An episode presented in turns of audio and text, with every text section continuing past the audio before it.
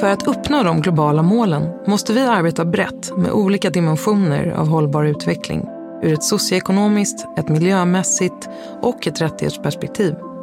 Vi har alla en viktig roll att spela för att ingen människa ska lämnas utanför. Localized and Vocalized är en podcastserie om betydelsen av just den lokala nivån i genomförandet av Agenda 2030 som antogs av FNs generalförsamling 2015. Vi på SKL International, som en del av Sveriges kommuner och regioner, SKR, arbetar med att stärka demokrati och god samhällsstyrning på lokal nivå. Med stöd av Sida vill vi bjuda in till samtal för att belysa det praktiska arbetet på den lokala nivån och inspirera med konkreta idéer som kan spridas vidare. Såväl i våra samarbetsländer som i svenska kommuner.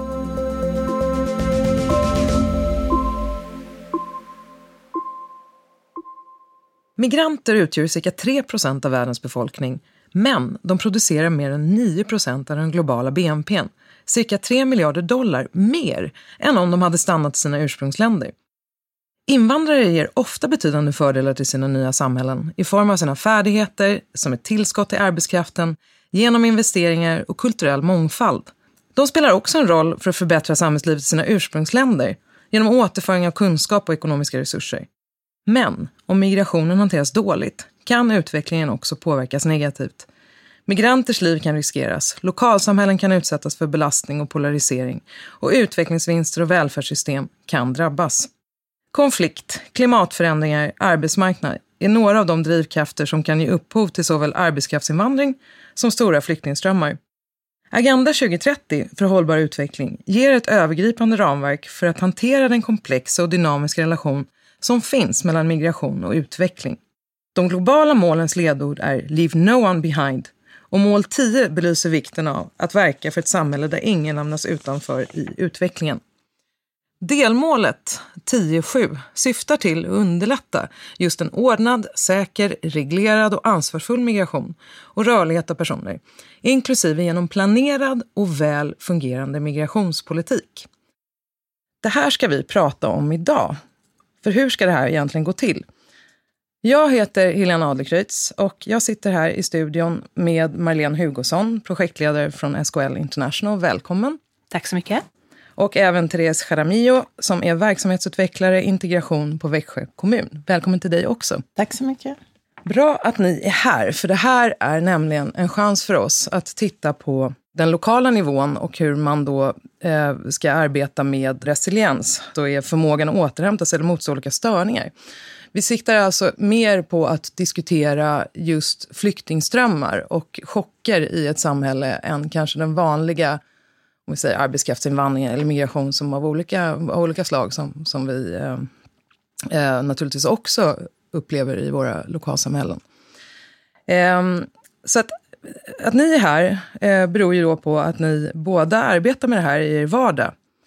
Marlene, skulle du kunna berätta lite om det projekt som du leder och ansvarar för SKL Internationals räkning? Men skulle du kunna beskriva lite mer om, om vad ni gör och eh, hur ni arbetar med just migration och kommunens beredskap för detta? Absolut. Um, vi har valt att uh, i den här podden diskutera uh, om Turkiet. Uh, och det är så att vi får våra medel för Sveriges stöd till den regionala Syrienkrisen. Eh, och eh, då, val, då har vi valt att jobba i eh, Syriens grannländer eftersom det inte går så bra att jobba i Syrien just nu.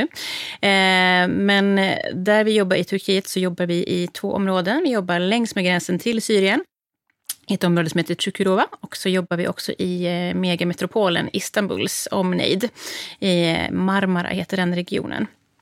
Och arbetet syftar då till att stärka resiliensen, det vill säga liksom kommunerna som är ju de som faktiskt tar emot flyktingarna. Eh, deras förmåga att absorbera och faktiskt gå vidare och utvecklas tillsammans med lokalbefolkningen.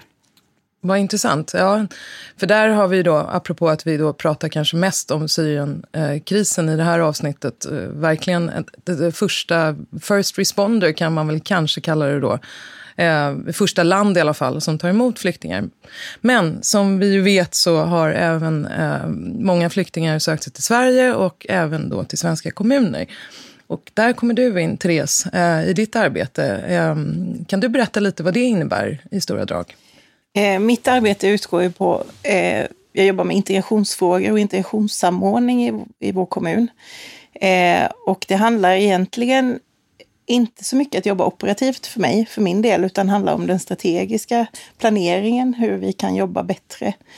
Eh, framförallt i samverkan med andra aktörer, eh, i samverkan inom kommunen. Jag jobbar på kommunledningsförvaltningen just för att vi ska bli bättre på att samverka inom kommunens olika förvaltningar och bolag. Eh, men också hur vi som Växjö kommun då i samverkan med andra aktörer såsom civilsamhället, andra myndigheter kan jobba tillsammans för att uppnå en bättre integration av våra nya invånare. Just det.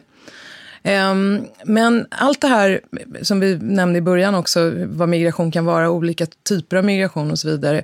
Hur har det varit historiskt eh, i era kontexter? Vad har man, vad har man för liksom bakgrund i det som man ägnar sig åt idag? Och, eh, ja, eh, Marlene, du kanske kan berätta lite, om, bara lite kort om hur, hur det ser ut i Turkiet och ja.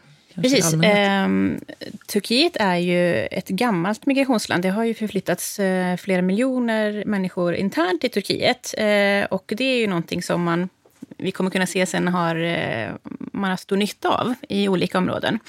Men i och med att man är grannland till Syrien så, så har man ju tagit emot 3,5 miljoner syriska flyktingar officiellt. Eh, I början kom inte så många. Eh, kriget har pågått sedan 2011. Då började de första flyktingarna komma. Men det var ju 2014, 2015 någonting som det stora antalet kom. Och då samlades man ju först då kring gränsen. Eh, så det var ju städer kring gränsen till Syrien som fick ta emot de stora, eh, stora massorna. Och eh, det var då som den turkiska staten började reagera. Och då öppnade man först flyktingläger Eh, men de räckte inte heller till, så att där kan man säga kanske 20 procent av det totala antalet på den tiden befann sig. Eh, så att de här eh, stängde ganska efter ett par år, för man insåg också att det här var en kris som vi inte ser något slut på. Så vi kan inte ha människor levandes på det här sättet. Även om det var ändå ganska bra standard på de lägren om man jämför med i, i grannländerna till Syrien.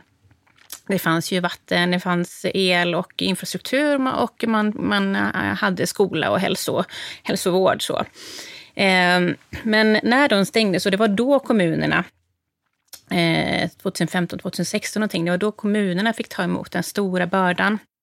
Även om det redan från början fanns massor av flyktingar som, eh, som bodde runt om bland lokalbefolkningen i och med att de flesta bodde ju inte i lägren för de fick inte plats där. Eh, så det var då de fick börja ta emot bördan. De var inte alls eh, beredd på detta. Eh, men det kommer vi kanske till senare, vilken beredskap man hade. Mm. Men till exempel en av, vi jobbar i tolv pilotkommuner i, i två områden då, i Turkiet. Och i en som heter Reyhanli, som ligger på gränsen till Syrien, där fick man över en natt i princip faktiskt fördubblad befolkning. och det är fortfarande så att kommunerna får eh, Eh, sina pengar baserat på eh, den eh, officiella befolkningen, alltså medborgare i Turkiet, som finns där. Och eh, inte hur många som faktiskt bor där. Så att även om man fick fördubblad befolkning så fick man inte någon extra budget. Och man hade heller inte möjlighet att planera strategiskt för eh, den här fördubblingen av befolkningen. Mm. Men vi återkommer till det lite grann, mm. eh, mer om hur man ska, hur, vad, vad, man nu kan eh, hitta för ja, verktyg för att och, ja, och hantera den här typen av, av stark befolkningsökning. Hur har det varit, Therese, i, i ja, specifikt då kanske i Växjö, där du ju arbetar, men du kanske vill säga någonting också lite grann om svenska kommuner? Och, ja. Växjö ligger i Kronobergs län i Småland och Kronobergs län är ett relativt litet län sett till befolkning, men det är glesbefolkat. Eh, Växjö då, som är en av åtta kommuner i länet, har eh, ensamt lika många invånare som de övriga sju kommunerna tillsammans. Mm. Så det är väldigt, alltså många små kommuner och sen så är det Växjö i länet. Eh, historiskt så har vi eh, haft ett högt mottagande av nyanlända för att vi har haft en flyktingförläggning i Alvesta eh, som Migrationsverket har haft som central punkt mm. för mottagandet i många, många år. Så på 70-talet var det väldigt många av de som kom från Latinamerika som hamnade först i, i Alvesta och sen spred sig därifrån ut. Då. Så vi har haft en historia av högt mottagande. Eh, men 2015 så var det ju ingen skillnad. Vi fick väldigt många till vårt län. Vi har två kommuner, ehm, eller egentligen tre. Det är Lessebo, Uppvidinge och Alvesta som är små kommuner men som har tagit ett oerhört stort mottagande. Lessebo har tagit flest i landet jämfört med sin befolkning. Eh, så det har ju satt eh, ja, det har visat sig vara prövande för kommunerna för det är dessutom eh, kommuner som eh, ja, gamla bruksorter där eh, företag har lagt ner och där arbetslösheten redan innan har varit stor. Eh, vilket då detta har spett på, tyvärr. Eh, så vi ser idag att vi har stora effekter eller eh, drabbade utav att vi tog så många då. Eller att det kom så många. Eh, men samtidigt så har det ju lärt oss väldigt mycket under den här tiden. Och det tror jag att vi kommer också beröra mer Absolut, framåt. Det Men det är den historiska kontexten och det, det kommer många eh, eh, till vårt län som sagt och även till Växjö. Och Växjö drar ju då, på grund av att det är den stora staden i regionen, så är det många som vill ta sig på egen hand och flytta till Växjö. För att det är där det finns arbete och bostäder. Och det kanske också leder till anhöriginvandring sen då i större precis, mån än precis. vad det kanske gör på det gör andra, andra orter mm. också. Ja, nej men intressant för att, ähm, att, att det är klart att vi, vi diskuterar väldigt olika typer av kontexter här. Men det finns ju ändå vissa gemensamma nämnare. Eh, som då framförallt har att göra med funktionerna kring planering i, i kommunen. Eh, och, eh, och, och även då beredskapen kring att kunna hantera då en krissituation som ni båda har beskrivit där det har kommit ett, ett, ett stort antal personer som man då inte har kanske räknat med. Eh, vad säger du, Marlene? Eh, hur har ni eh, arbetat? Är det, är det, kan du beskriva hur projektet passar in i, i just den här eh, situationen. Ja, en enkelt. parallell till eh, det som sa här kring Växjö, jag glömde också säga kring migrationsströmningar. Så, så eh, man ser att efter, efter ett par år, eh, då man samlas kring den syriska gränsen, så har flyttlasset bland de syriska migranterna även gått upp mot Istanbul och andra storstäder där man har mycket större ekonomiska möjligheter och möjlighet att få jobb och där man kan absorbera ett stort antal flyktingar på ett helt annat sätt. Så det är lite skillnad, eller lite samma sak som i, eh, i Kronoberg där man drar sig mot storstaden. Och så, så går det även i Turkiet. Just det, det är en intressant parallell. Mm. Att det, ja. Eh, jo, men hur man hanterar eh, eh, detta. Eh, ja, som jag nämnde så fanns ju ingen beredskap alls i princip. Eh, man är ju van vid intern migration, men det fanns ingen fanns ingen eh, lagstiftning eller möjlighet att omfördela budget kring... När du säger intern migration så menar du mellan olika kommuner i Turkiet? Ja, precis. Då? Det är bara för att förtydliga det. Ja, precis. Ja. Eh, så det har ju många kommuner, framförallt kring storstäderna, eh, stor erfarenhet av. Men vad gäller till resurser så fanns det ju ingenting. Och, det, och så är det ju fortfarande, att man får inte mer resurser för att man har flyktingar som bor där. De har rättigheter som residents eller invånare i kommunen de har rättigheter till service, men kommunerna får inte mer medel att, att utveckla service för de här befolkningsgrupperna. Eh, de, när vi pratar om syriska flyktingar, framför allt som vi gör här idag, så har de heller inte flyktingstatus, utan de har då eh, tillfälligt uppehållstillstånd. Eh, någonting som är utfärdat när det sker en stor kris, som till exempel under Syrienkriget, att man tar emot en stor grupp människor, som man sen tänker ska kunna återvända när det har blivit eh, bättre i deras hemland, vilket det inte har blivit. Eh, så det vi gör eh, i projektet som då heter Resilience in Local Governance, eh, det är att stötta eh, kommunerna att jobba strategiskt eh, och inte då som man har gjort kanske hittills i den här gigantiska flyktingkatastrofen, att man ger humanitärt stöd och kortsiktiga lösningar. Utan Mer reaktivt då helt enkelt? Ja, precis. Ja. Vi jobbar då med ett, ja, ett, eh, ett långsiktigt perspektiv och vi utgår då från de eh, behov och Eh, mål som våra pilotkommuner har och efter deras förutsättningar. För det ser också ganska olika ut eh, beroende på vilken kommun man befinner sig i. Precis. Att, just att, att då anpassa planer, är det det som, som är själva liksom kärnan i de aktiviteter ni gör? Precis. Planer kring om hur man ska hantera en ökad befolkning. Ja, ska jag beskriva eh, ja, lite gärna, hur jättegärna. det har gått till? Mm. Eh, jo, då har vi eh, som för första gången i eh, Turkiet eh, tagit fram något som kallas för Migration Masterplans. Eh, vårt projekt startade ganska tid, eh, bra i tiden eftersom det var lokalval i Turkiet eh, 2019. Eh, och eh, då är det så att sex månader efter ett lokalval då ska kommunerna lägga sina femåriga strategiska planer. Så efter lokalvalet, innan så förberedde vi såklart, men efter lokalvalet så jobbade vi med eh, eh lokala planeringsteam i, i 12 pilotkommuner. Eh, där vi först eh, hjälpte dem att titta historiskt tillbaka. Hur har det sett ut eh, med migration i deras kommun? Vi hjälpte dem att göra en eh, uppskattning på hur migrationsflödena nu i Syrienkrisen har påverkat deras eh, servicefunktioner. Eh, och eh, vi hjälpte dem också att titta på hur hade de lyckats eh, med detta. Eh, och utefter den här analysen så, så, gjorde vi en lista på prioriterade serviceområden som de ville ha med i sina då, migrationsplaner, som är någonting man inte gjort förut. och att integrera de här i den, den hela strategiska planen i, i kommunen som då kommer ligga i fem år. Eh, man sätter en budget till det eh, och jobbar in det. Och detta gjorde vi under det första året. Eh, det har nu pågått i drygt ett år. Och nu under vårt andra år så ska vi då eh, genom projektet hjälpa kommunerna att tillsammans med sina invånare eh, implementera eh, prioriterade områden i migrationsplanen. Jag förstår. Om man nu skulle översätta det till hur man jobbar i en svensk kommun, har ni mm. arbetat på liknande sätt? Eller? Ja, ganska exakt lika skulle jag vilja påstå ja. egentligen. Eh, och det har väl också att göra med efter eh, vad som hände 2015, att man insåg att här behöver vi samverka mer. Eh, så kommunen tog fram en eh, integrationsplan för Växjö kommun. Vilket man gjorde under ungefär ett års tid och jobbade med workshops, med eh, eh, olika dialoger ihop med både tjänstepersoner inom kommunen men också andra intressenter som var med och bidrog till hur ska vi jobba tillsammans för att vi ska få en, en bra inkludering av de här nya invånarna som har kommit. Eh, och där fastställde man tydliga mål. Man fastställde också ansvarsområden och sa, pekade ut att det här är civilsamhället ansvariga för, det här är näringslivet ansvariga för och så. Och det är den integrationsplanen som, som styr vårt arbete i kommunen när det gäller de här frågorna. Då.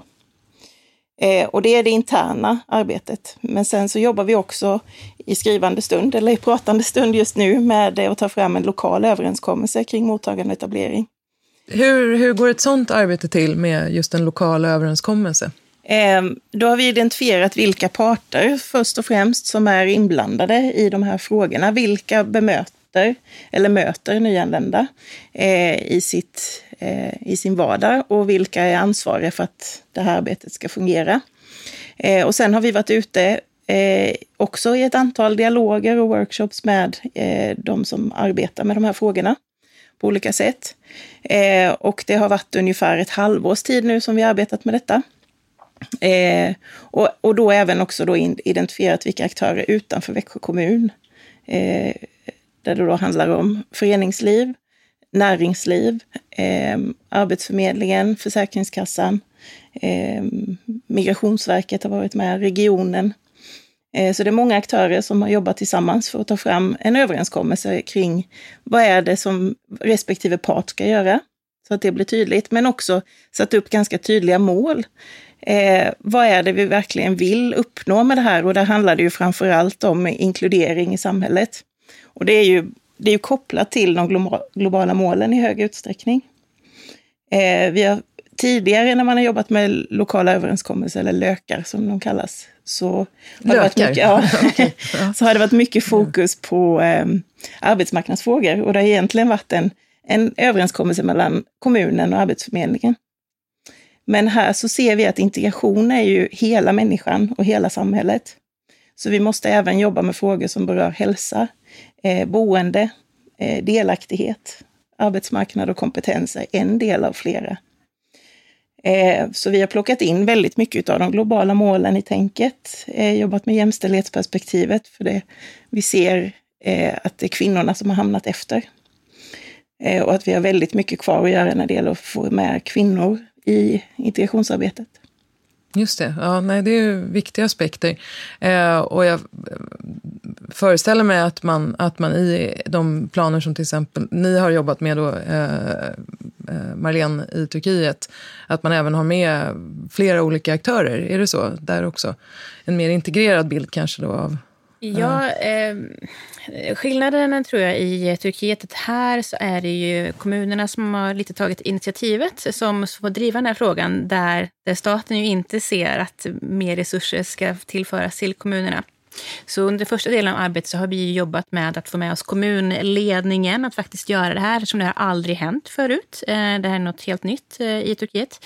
Eh, och sen jobbat med då team inom kommunen. Så det är nu i fas två, att innan vi ska sätta igång då inkluderande processer med att planera det här tillsammans så, så är vi nu väldigt mycket ute och gör undersökningar. Vilka finns i de här kommunerna? Hur ser eh, det civila samhället ut? Vilka flyktinggrupper lever det här? För det får man komma ihåg att eh, Syrien är en väldigt, eh, väldigt heterogen Eh, grupp.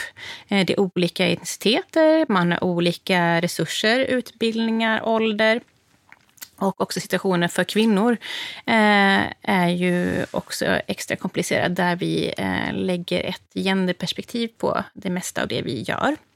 Ehm, ja, så att, men mm. såklart, mycket, mycket av det som redan har hänt, speciellt då längs med gränsen, har ju skett med, med humanitära aktörer. Och det här vårt jobb kommer in och att försöka diversifiera det här, att få ihop det här tillsammans med kommunens insatser, eftersom kommunen också gjort saker, men man har inte samverkat. Mm. Så det är där vi kommer in och ska bli ett kitt mellan de olika aktörer som finns eh, i en kommun och dess invånare.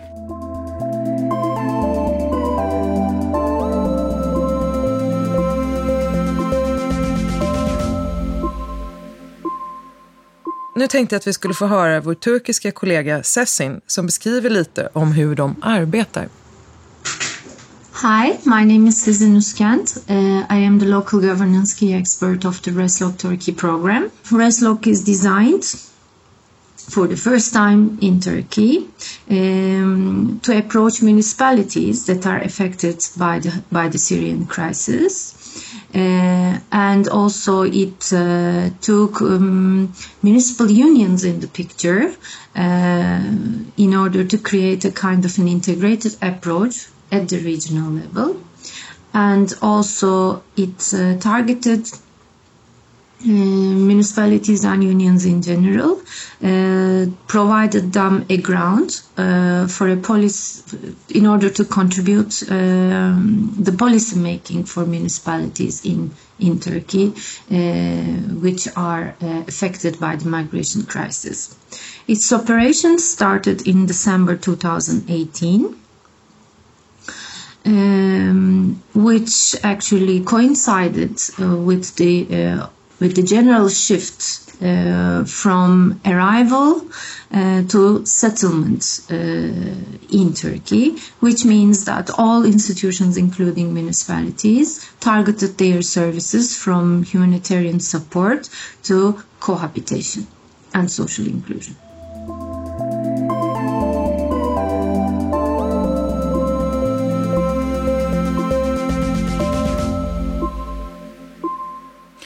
Jag tycker mig eh, se här en gemensam bit också som har att göra med att den nationella nivån naturligtvis sätter migrationspolitiken i stort. Medan implementeringen måste ske på lokal nivå. Mm. Och det Där. upplever jag precis som ni, du beskriver Turkiet, så, så upplever ju kommunerna en frustration över att staten lämnar över mycket ansvar på kommunerna, men följer inte upp det budgetmässigt. Vi får inte tillräckligt med pengar för att göra det arbete som förväntas att vi ska göra. Eh, och det har ju varit en stor kritik, inte minst från våra kommuner i vårt län gentemot staten, framförallt då Lessebo som nyligen har varit ute eh, och kritiserat regeringen och även Växjö kommun som har ifrågasatt mycket kring, kring hur man har finansierat det här och att man förväntar sig att det är kommunerna som ska betala för det. Ehm, så då får kommunerna vara lite kreativa och hitta andra lösningar och ifrågasätta staten, vilket vi har gjort en del. Mm. Men samtidigt så har det också lett till en ökad samverkan. Eh, för vi såg 2015 att vi kanske inte var så duktiga på samverkan. Alla gjorde sitt utan att kanske prata med varandra. Man visste inte riktigt vad det, vilket ansvar den andra hade och så. Eh, men det ledde ju till att vi började prata mycket mer med varandra och idag så är ju samverkan väldigt naturlig i vår, framförallt hos oss i alla fall, mellan de olika aktörerna och att vi samverkar på lika villkor. Precis, och det är också ett mål med det här projektet. Det är inte så att vi ska göra jobbet, utan det här är någonting som vi gör tillsammans med våra partners, kommunförbunden och kommunerna. Och vi ser redan idag att eh, det här har blivit eh, eh, något av en succé i och med att det är många, pilot, eller många kommuner utanför våra pilotkommuner som kommer och Eh, vill vara med i projektet eller vill ta del av det vi utvecklar i projektet, för man ser ett stort behov. Eh, men kanske en viktig skillnad eh, gentemot Sverige är att det finns två olika budskap politiskt. Ett på nationell nivå där man säger att de här är bara på tillfälligt besök, så vi ska inte lägga så mycket resurser här. Medan kommunerna säger att jo, men de här är ju människor som kommer stanna. Eh, på vissa platser ser man dem till och med som en resurs och på vissa andra platser så ser man att men vi måste ändå hantera den här situationen, annars kommer det inte gå så bra för vår kommun. Så där är det kommunerna som har en annan politik än vad staten har. Mm. Gör man en sån mm. distinktion i, i, i din kommun, Therese? Eh, att man gör, eller försöker eh, hitta möjligheter att just se huruvida den nya befolkningen och de nyanlända ja, troliga scenarion helt enkelt för huruvida de kommer stanna kvar eller om de kommer flytta på sig, flytta till andra kommuner kanske också. Eh, ja.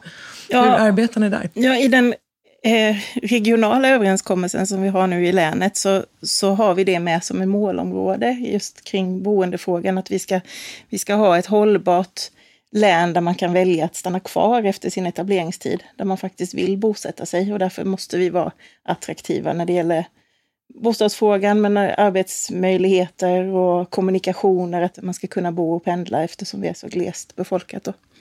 Eh, så det finns definitivt med att vi ser det här som en resurs, framförallt i de kommuner som egentligen är som kämpar med sin befolkning som, eh, som är glesbefolkade, minskar, glesbefolkade och som minskar och sådär, så ser man ju de nyanlända som en resurs. Men, men eh, generellt så tycker jag att vi har ganska långt kvar i Sverige på att se nya som, nyanlända som en resurs i vår ekonomi. Eh, jag besökte Kanada för ett år sedan, lite drygt, eh, där de har en helt annan ingång kring att det här är personer som vi måste ha för vår välfärd. Eh, vi klarar inte av att bygga vårt land om vi inte får in nya människor och man gör allt vad man kan för att människor ska bli arbetsföra. Vi har varit lite för dels skeptiska till andra människors kompetens i Sverige, men också att vi eh, eh, inte riktigt har sett behovet eller möjligheten. Och matchningen då kanske också mellan kompetens och faktiska ja, tillfällen. Och potentialen är att skapa kanske nya tillfällen beroende på vilken typ av arbetsprofil eh, ja, profil eller, eller ja, kompetens som då finns i, i den nyanlända befolkningen. Precis. Ja, Marlene, det är intressant, eh, tänker jag. För om man tittar på de två olika områden där vi jobbar i Turkiet idag. Så i Marmara, runt Istanbul, där ser man flyktingar som en, en resurs. Och man har också stor och lång erfarenhet av eh, turkiska medborgare som flyttar mellan olika städer i Turkiet. Så där har man kunnat absorbera dem ganska lätt. Man hjälps åt att eh, introducera nyanlända i samhället. Och eh, de har en stor eh, industri, mycket textilindustri till exempel, där man behöver arbetskraft. Så där så ser man dem mer som en resurs än om man jämför då i då södra regionen där det är eh, mindre välbeställt. Så där blir det att man då delar på fattigdomen mer och man har ju inte så bra service för ens de som bor där. Eh, och eh, det blir en konkurrens kring jobb. Så där så ser man ju annorlunda då på flyktingarna. Mm. Såklart. Och jag kan tänka mig att det är kanske liknande i svenska glesbygdskommuner också. Att de som har resurser i form av liksom utbildning och kontakter drar sig till de större städerna. Som man har gjort i Turkiet. Så att kvar längs eh, gränsen så, eh, så befinner sig de som kanske inte har möjlighet att ta sig därifrån och som har sämre utbildning och eh, som tävlar med fattiga turkar om resurserna. Mm. Så det går att dra mycket paralleller. Det kan bli också. en stor polarisering i samhället på grund av att man då behöver ja, tävla som du säger. Mm. Det, det måste man kanske också arbeta aktivt med. Mm. Kanske rent också då kulturella aspekter av det hela och liksom integration. Vad... Jag tänkte bara säga ja. med, med kopplingen till Kanada som har, eh, är ju byggt kring eh, eh, integration och migration. Att de har en erfarenhet att ta emot nya som, som man har i Istanbul men som vi kanske inte har i Sverige under en så lång tid historiskt ändå. Mm. Att det finns mycket att lära också av att titta ja. på sådana exempel. Mm. Oh ja. Ehm, um, såg du några speciella eller specifika liksom, exempel i, i, ditt besök i Kanada? Bara för att titta på liksom, det du nämnde som du upplevde hade fungerat um, extra bra och som man skulle kanske kunna inspireras av i arbetet på lokal nivå. Ja, en sak som vi tar med, tog med oss efter det besöket i Växjö i alla fall är det här konceptet kring ett, vad som kallas för ett welcome house. Eller i vissa så pratar man om one, one stop shop. Eh, ett, ett samlat hus där man får all myndighetshjälp när man kommer till det som man behöver och snabbt blir inskriven, men också eh, där, där andra aktörer finns med, där föreningslivet finns med och de hade anordnat cykelkurser och eh, språkcaféer på kvällarna i det här huset. Så som ett slags liksom medborgarkontor, men som utvecklat eh, med mycket. ja, precis. Ja. Inte bara myndighetskontor, för det har vi. Vi har Statens servicecenter och servicekontor och så. Och vi har medborgarkontor i kommunen. Men just det här eh, där alla aktörer finns med och bedriver verksamhet, eh, där man kommer om man vill bli inskriven i i folkbokföringen eller om man vill eh, läsa en kurs eller om man vill lära sig att cykla eller sjunga. Eller att man, man får liksom hela människan med sig. Det låter som en väldigt god eh, modell. Det är faktiskt eh, någonting vi kommer göra i vårt projekt också. Det är en eller, en eller två av pilotkommunerna som har just tagit fram det här som ett sätt att jobba in deras migrationsplaner under året tillsammans med, med Dresslog. Mm. Jättespännande. Ja, verkligen. Jag är nyfiken på, för det är något som jag kan vara självkritisk till i vårt arbete, är att vi har lite målgruppsperspektiv. Vi pratar fortfarande mycket om våra egna, vårt egna perspektiv, vad vi tror att de nyanlända vill ha och behöver. Eh, hur mycket är, är migranterna själva med i planeringen och i arbetet och medborgardialog eller dialoger med Ja, jag tror att i allmänhet så är man inte särskilt eh, mycket eh, med i, om man tittar på hela Turkiet. Men, men det vi försöker göra i det här projektet är att Eh, ta med, ta med dem mycket. Så det här ska ju vara aktiviteter och eh, inom serviceområden som är till nytta för både lokalbefolkning och eh, de syriska flyktingar som är där eller alla flyktingar som är på plats. Vi riktar inte bara oss mot syriska flyktingar. Så de processer vi nu kommer göra för att jobba fram olika projekt inom det närmaste året. Där ska alla vara med. Eh, och vi försöker då att eh, validera det som kommunerna tror är bra ute bland civilsamhället och flyktingar eh, innan vi sätter igång med planeringen. Mm. Vi har tittat en del på tjänstedesign som en metod för att få med målgruppen i arbetet och, och ska väl inkludera mer i framförallt när vi ska ta fram det här mottagningscentret. Då. Just det, beskriv lite mer vad tjänstedesign är för den oinvigde. Eh, ja, men det är ju när man, eh, när man har med eh, målgruppen och eh, utföraren i samma grupp kan man säga, där man sitter och har workshops tillsammans för att, för att plocka fram en, en modell för hur vi ska arbeta. Eh, så man gör det här väldigt mycket nära målgruppen. Och och testar nya metoder och eh, innovationslösningar tillsammans. Mm. Det, just så det är målgruppsperspektivet, ett väldigt inkluderande sånt. Precis, och med tanken på vem som faktiskt ska, ja, rättighetsbärarna då helt Precis. enkelt. Och det kan man ju använda i, i alla möjliga sorters sammanhang och det har använts mycket i vården och gentemot mm. brukare i socialtjänsten och så. Just det, ja, det, det är ju naturligtvis väldigt bra. Um, vad spelar det här med kunskap och, och data för roll i hur ni planerar? Och, eh, eh, Marlene, vad skulle du säga i, i, eh, i förhållande till vad man har för möjligheter då i de här tolv kommunerna eh, där ni arbetar? Det är ju ett eh, jättestort eh, problem i och med att det, det finns ingen officiell eh, data. Eh, det finns officiell data, men den är inte heltäckande som jag tror att vi har mycket större tillgång till här i Sverige. Vi har ju bra liksom, datainsamling och system. Eh, utan det finns ehm, väldigt mycket brist på data, så att kommunerna vet ju inte heller hur många eh, flyktingar finns där och vilka är de? Vad har de för behov och vad har de för resurser? Eh, och det är flera av våra kommuner som vi jobbar med som har tagit egna initiativ till att skapa en databas just på grund av detta.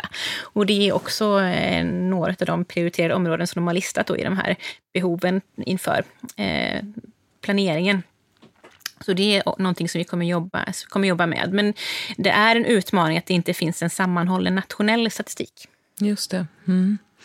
Och i Växjö då, när ni, eh, just när ni ska till exempel då utforma en, en ja, tjänst eller att eh, titta på den här befolkningskategorin helt enkelt som kommer med nya behov kanske eller, eller särskilda behov av olika slag. Ehm, ja, du nämnde det här med boende, skola, vård och omsorg. Ehm, hur arbetar ni då i planeringen? Eh, också kanske med de här osäkerhetsfaktorerna framöver, liksom framåt?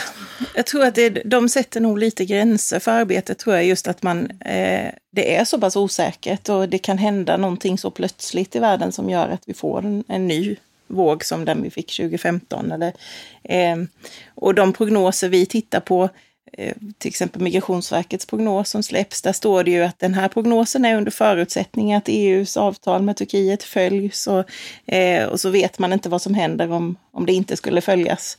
Eh, så det är ju en osäkerhet i det och det är därför som jag tror att det är viktigt att man som aktör eller kommun måste kunna hålla två tankar samtidigt. Dels så måste du kunna vara strategisk och tänka långsiktigt framåt och planera. Men du måste också vara tillräckligt snabb och agil för att du ska kunna hantera en, om det händer någonting. Just det, och där kommer vi tillbaka in på det här med vad resiliens faktiskt ja. betyder i kommunal förvaltning. Att just kunna förutse det oförutsedda då, i någon bemärkelse. Och att vara beredd på att kunna återhämta en funktion även om det blir ett ökat tryck på, på ett lokalsamhälle. Um, och det ser vi ju ja, runt omkring i världen, inte bara med migrationsströmmar som då kommer här ur konflikt, utan även naturligtvis naturkatastrofer och andra liksom, extrema uh, företeelser som ju faktiskt också kan drabba oss här. Uh, lika väl med översvämning eller Absolut. vad det nu kan vara. Man behöver snabbt kunna agera. Mm. Så, så det, nej, det är ett väldigt intressant spår.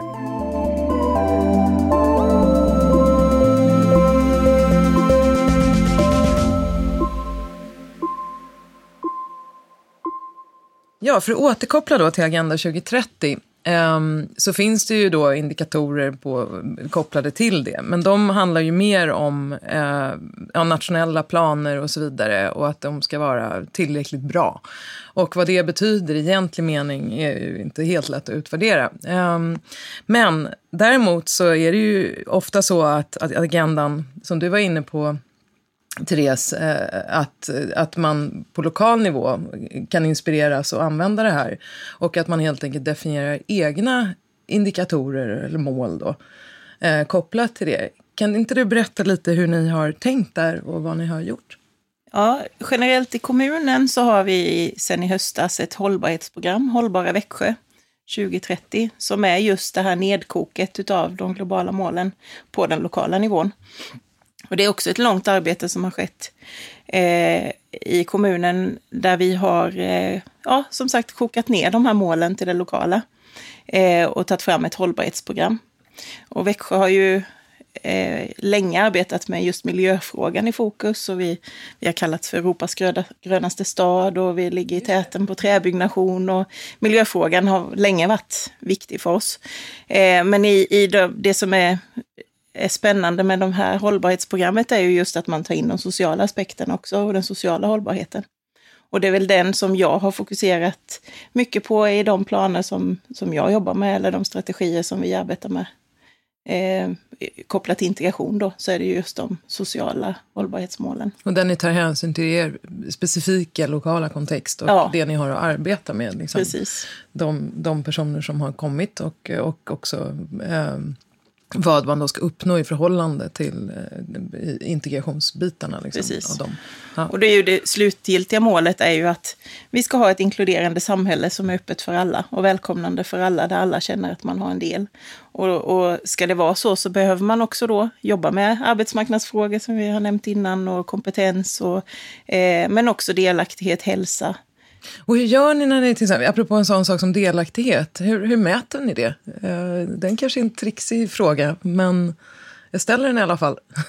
Ja, det, just kopplat till indikatorer så är det ju svårt att mäta. Visst, mm. man kanske kan mäta rent konkret hur många som är aktiva i en förening eller medlemskap i förening och så.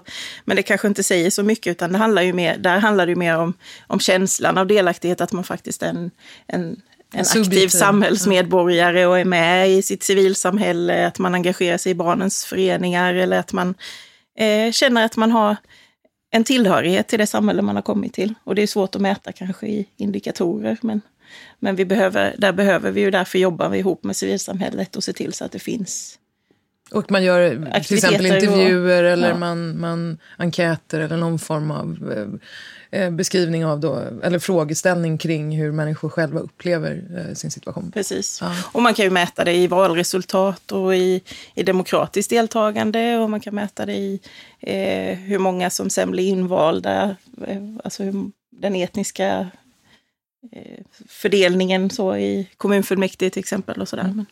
Ja. Just det. Och Marlene, um, hur långt har man kommit med det här tänket då i, kopplat till de planer, de här masterplans som du har beskrivit? Um, finns det någonting du vill kommentera eller säga om det? Ja, det är första gången som det här görs i Turkiet. Så att, ehm, eh, jag tror inte man har kanske tänkt längre än de indikatorer man har satt i sina strategiska planer. Eh, men det man kan se skillnaden mellan det här området som är lite, har lite sämre ställt ekonomiskt och där flyktingarna är många längs gränsen. Att där försöker man ju, det som ingår i de, de projekten de kommunerna tagit fram syftar mer till att man ska kunna klara av att bo tillsammans. Eh, och att eh, det inte ska uppstå mycket konflikter och mycket konkurrens kring arbetsmarknad. Så mycket handlar om yrkesutbildning både för eh, den lokalbefolkningen och, och flyktingarna. Just det. Um, och eh, som sagt, agendan är ju en, en, ganska bred palett och du nämnde stadsutveckling, vi har pratat om jämställdhet, eh, vi har pratat om olika delar egentligen av agendan. Och det är ju naturligtvis ett ganska mångfacetterat verktyg också för att komma åt både den här sociala utvecklingen och eh, ja, fredlig samlevnad och ja, även då kulturen som man kan skapa kring eh, integrationsfrågan. Liksom. Nej, men jag tänker på det här med fredlig samverkan, för det, mm. och det får mig att tänka på att integration är ju en dubbelsidig process. Alltså det är inte bara den nyanlända som ska integreras i samhället, utan det är ju vi som mottagande samhälle också som ska ta emot. Eh, och det, där har vi mycket kvar att jobba på när det gäller eh, den här sam att det ska fungera i samhället tillsammans. Eh, och toleransen, flykting, eh, främlingsfientligheten ser vi tyvärr ökar. Eh, eh, och hur, hur ska vi jobba med de frågorna? Det måste vi verkligen göra. Mm. Och, då, och då kanske om, om, om själva funktionerna, förvaltningen fungerar väl och, och, man klarar av ska vi säga, det här nya trycket så finns väl en positiv, ett positivt budskap av att säga att det här finns det faktiskt också. Det kan vara en period av svårigheter och utmaningar men att lyckas integrationen så har vi väldigt mycket att vinna på. Alltså det budskapet borde ju kunna vara väldigt viktigt då, att, att man klarar av att förmedla det från, alltså rent som en kommunikationsbit. Och den här, det här synsättet att det, det, det är människor som en resurs som vi pratar om och inte som en belastning. Ja. Som kan bidra till att vi får ett mer tolerans i samhället då om man ser det. Precis, det brukar oftast hamna i den nationella politiken att man pratar om flyktingmottagande men man pratar inte så mycket om de människor som är här och hur, hur får vi vårt samhälle att, att fungera. Och som du säger, det är ju liksom en tvåfacetterad eh, historia det här. Det är inte bara de nya utan även de som bor där som ska eh, förstå hur vi lever tillsammans. Precis. Mm. Det här är första gången som vi gör det här i Turkiet. Och då menar jag inte vi som eh, SKR, utan i Turkiet så är det första gången man, man eh, jobbar på det här sättet. Så vad tror du att eh, det finns för svenska positiva erfarenheter som man skulle kunna lyfta fram? Jag tror att det handlar om att, man, att aktörerna tillsammans gör den här planen gemensamt och inte att varje aktör för sig sätter sin egen plan. Utan att man verkligen samtalar, pratar, eh, ger och tar i den processen så att man får med sig alla aktörerna som är viktiga. Det tror jag väl är ett viktigt medskick. Och där kan ju just kommunförbunden vara en slags kanal för att, att just eh, både sprida bra exempel på, på eh, erfarenheter som man har haft lokalt på ett mycket bredare plan. Och det är väl antagligen, föreställer jag mig, att det är en del av logiken kring hur, hur Restlog-projektet har, har arbetat eftersom man då har dels kopplat på två kommunförbund där Sen är ju SKR såklart en, part i det här. Eh, men även det nationella eh, kommunförbundet eh, tar del av, av den här typen av arbete som ni gör, eller hur Marlene? Ja men absolut, det är ju faktiskt på, det, på deras initiativ. Annars kan ju inte vi som en, en utländsk aktör komma in och börja och röra om i eh, lokalinstitutioner i Turkiet. Utan det här måste givetvis liksom jobbas på från kommunförbundet både nationellt och regionalt och också ha, ha godkännande utav statliga myndigheter och, och så vidare. Eh, och vi, vi jobbar också med att lyfta upp eh, kommunernas behov på eh, statlig nivå, som vi har beskrivit tidigare, att det inte, det inte finns så stor förståelse för hur eh, det fungerar på kommunal nivå. Så det är också någonting som är viktigt. Eh, och det tror jag vi har sett också i, i Sverige när eh, den stora flyktingkrisen slog på att eh, hur svårt det var att börja koordinera sig inom, inom SKR också. Eh, och eh, att det har gjorts ett stort arbete eh, kring, kring det. Mm. Att eh, koordinera kommunerna mm. kring detta. Mm. Men jag tror att det som hände 2015 har varit utvecklande för, för kommunerna och myndigheterna. Framförallt att vi har blivit bättre på samverkan och samtal och dialog mellan varandra. Mm. Och det verkar vara det som är nyckeln. Det ja. har vi ju sett nu. Att det, det vi behöver göra i, inom projektet är att vara det här kittet mellan eh, myndigheterna och civilsamhället och alla, alla som bor där. Och mm. även, även upp mot eh, på statlig nivå. Mm.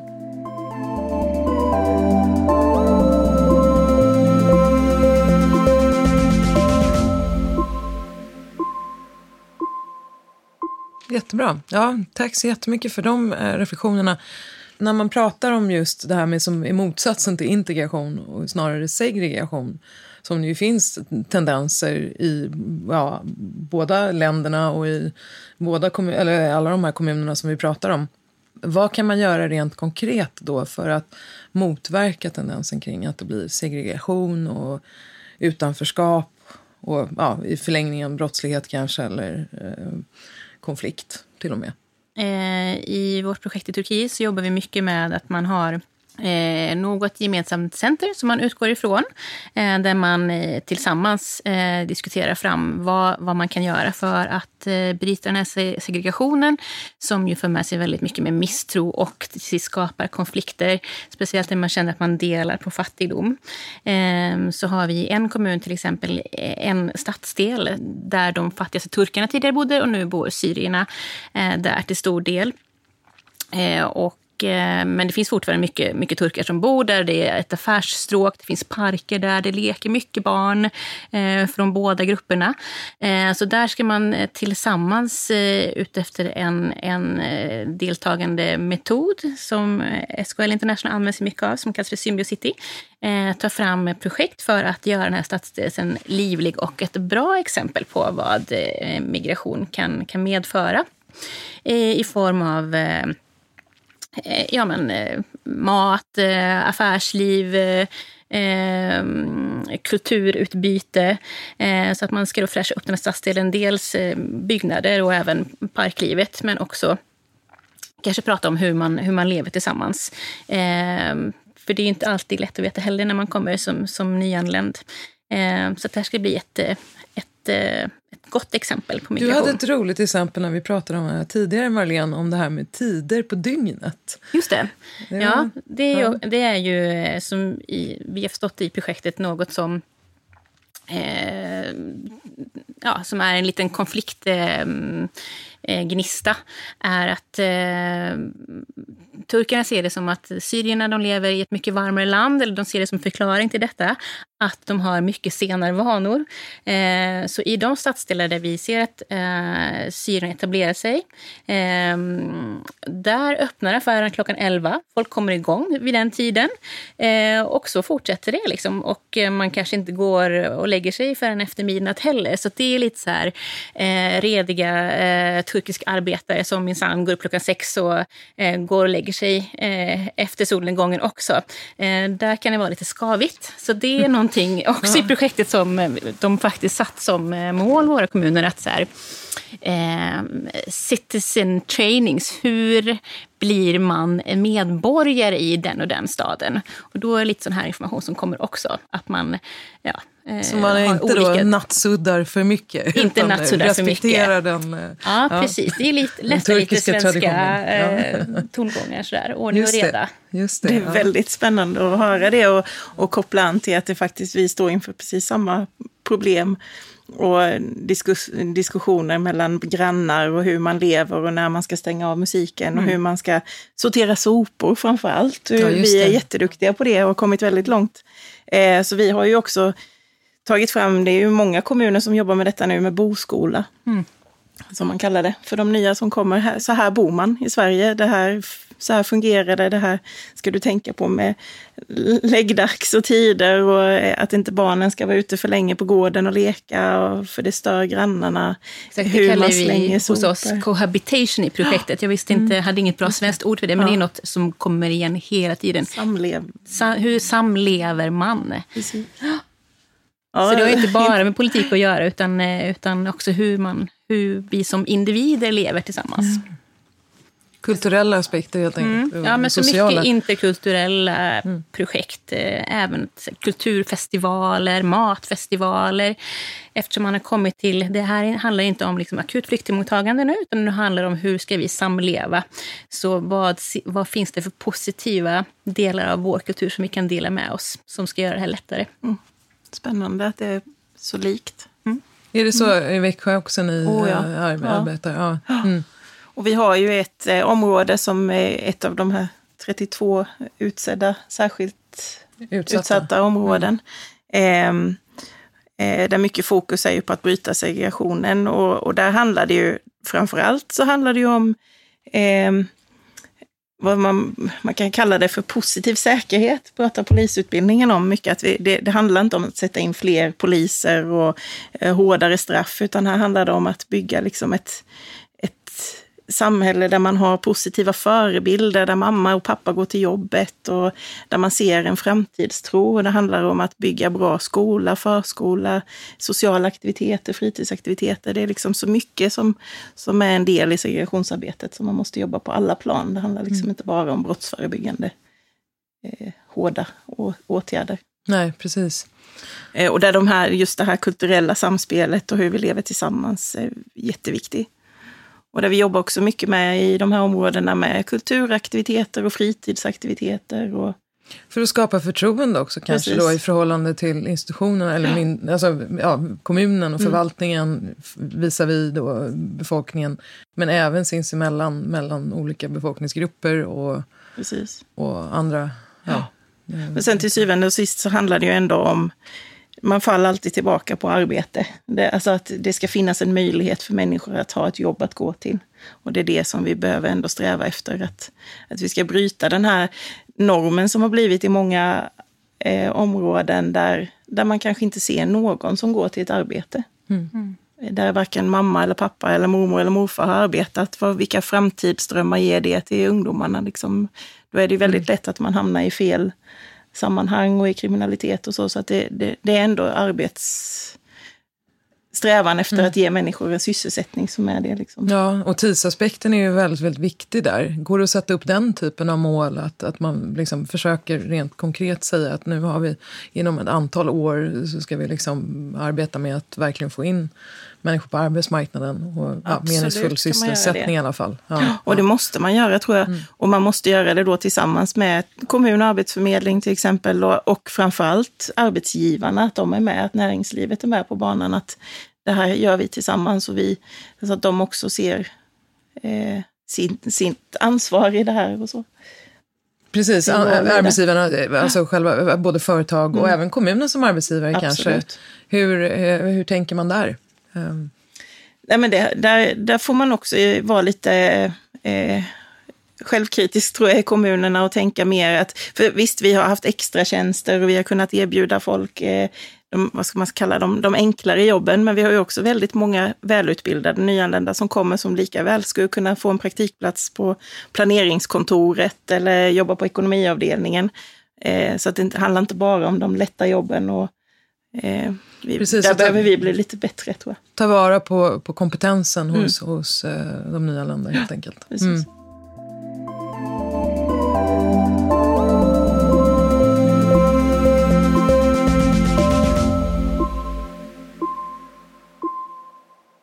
Ja, som avslutning på den här podcasten så eh, kan vi väl summera lite grann att det som vi har talat om idag, det vill säga migration och även framförallt då flyktingströmmar, kan uppfattas och beskrivas på lite olika sätt.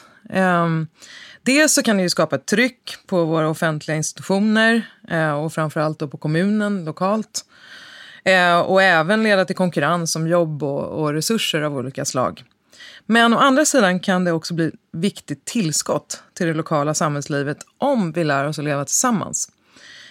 Ehm, det som vi har fått höra genom era exempel idag, ehm, Therese och Marlene, är hur det också kan stimulera till samverkan mellan en hel bröd av olika aktörer. Ehm, och om vi nu kan bygga på de här erfarenheterna så skulle vi också faktiskt kunna förstärka resiliensen och beredskapen inför framtida mm, liknande situationer lokalt. Så därför tänker jag fråga er nu här om ni har något sista litet medskick och några tankar utöver det här som vi har diskuterat eh, under dagen som, ja, eller frågeställningar som ni tänker kan bli viktiga framöver. Um, vad säger du, eh, Therese? Ja, men jag tänker att eh, även om vi pratar mycket om just vågen 2015 och den stora eh, mängden asylsökande som kom, så är det ju bara för att vi har mindre antal asylsökande idag så har vi ju inte mindre antal invandrare egentligen till vårt land. Nej. För det kommer ju anhöriginvandrare, det kommer som arbetskraftsinvandrare, studenter. Så att eh, frågan om inkludering och integration är ju absolut högaktuell, även om, om asylinvandringen inte är så hög fortfarande. Mm. Ja, om den inte då kanske blir det igen med tanke Och på kanske- den rådande situationen. Eh, Men precis som du säger, det är ju en långsiktig och hållbar tanke kring att vi kommer att ha migration i alla tider och i alla möjliga former eh, framöver. Det är en jätteviktig bit att ha med sig i, i hur man planerar i, i, på den lokala nivån. Vad säger du, Marlene? Ja, om jag tittar på ur mitt perspektiv där vi vi jobbar med svenskt bistånd eh, kring migration och stöttar då de eh, lokala aktörer som, eh, som möter eh, eh migranter, flyktingar. Eh, så är det intressant att se att i det här projektet där vi är lite, eller ganska unika faktiskt, utan att vi då utgår från vad är behovet eh, lokalt. Vad, vad behöver eh, den lokala eh, kommunen för att bäst klara av den här situationen där man inte då applicerar det humanitära perspektivet eh, och utgår från eh, vad man som internationell aktör tror kan vara bra, utan verkligen liksom går in, tittar vad behövs. De som vet bäst är eh, de som styr sin eller leder sin kommuns arbete. Och det vi kan göra det ännu bättre är ju då att samverka med de som också bor där. Så, så det är det jag eh, tar med mig. Och om jag har lärt mig någonting från Turkiet är att Eh, om man jämför med Sverige så är det inte lika uppstrukturerat och att där har man fått vara ganska mycket mer innovativ. Och där kan man se att det finns mycket som vi kan lära eh, oss kanske i Sverige. Ja, det är ju en jättebra avslutning på det här. Just för att vi gärna vill sprida kunskap och erfarenheter mellan olika kontexter och lära oss av varandra för att helt enkelt kunna tackla arbetet med Agenda 2030 in mot framtiden och de närmsta tio åren som vi har på oss. Det är inte jättelång tid. Ehm, så stort, stort tack till er båda för att ni kom hit idag. Eh, att du reste från Växjö, Therese, hela vägen hit till Stockholm. Eh, och eh, ehm, vi hoppas att få höra vidare hur det går med era respektive arbeten i framtiden också. Så stort tack. Tack så mycket. Tack själv.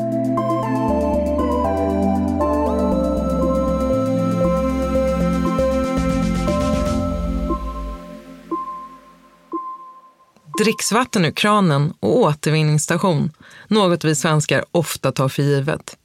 Men hur kan kommuner i andra länder också trygga sin vattenförsörjning och göra den hållbar? Hur kan de välja att implementera den bästa typen av avfallshantering? När vi hörs nästa gång så ska vi tala om två av Agenda 2030-målen som är ständigt närvarande i vardagen. Mål 6, som handlar om hållbar vatten och sanitetsförvaltning och mål 12 om miljövänlig avfallshantering. Vi kommer att diskutera det arbete som sker i Sverige, men även hur Sverige faktiskt kan hjälpa till i andra länder med de här frågorna. Vi har bjudit in miljöexperter från ett projekt i Serbien och även från gästrika återvinnare. Så missa inte det och vi hörs snart igen.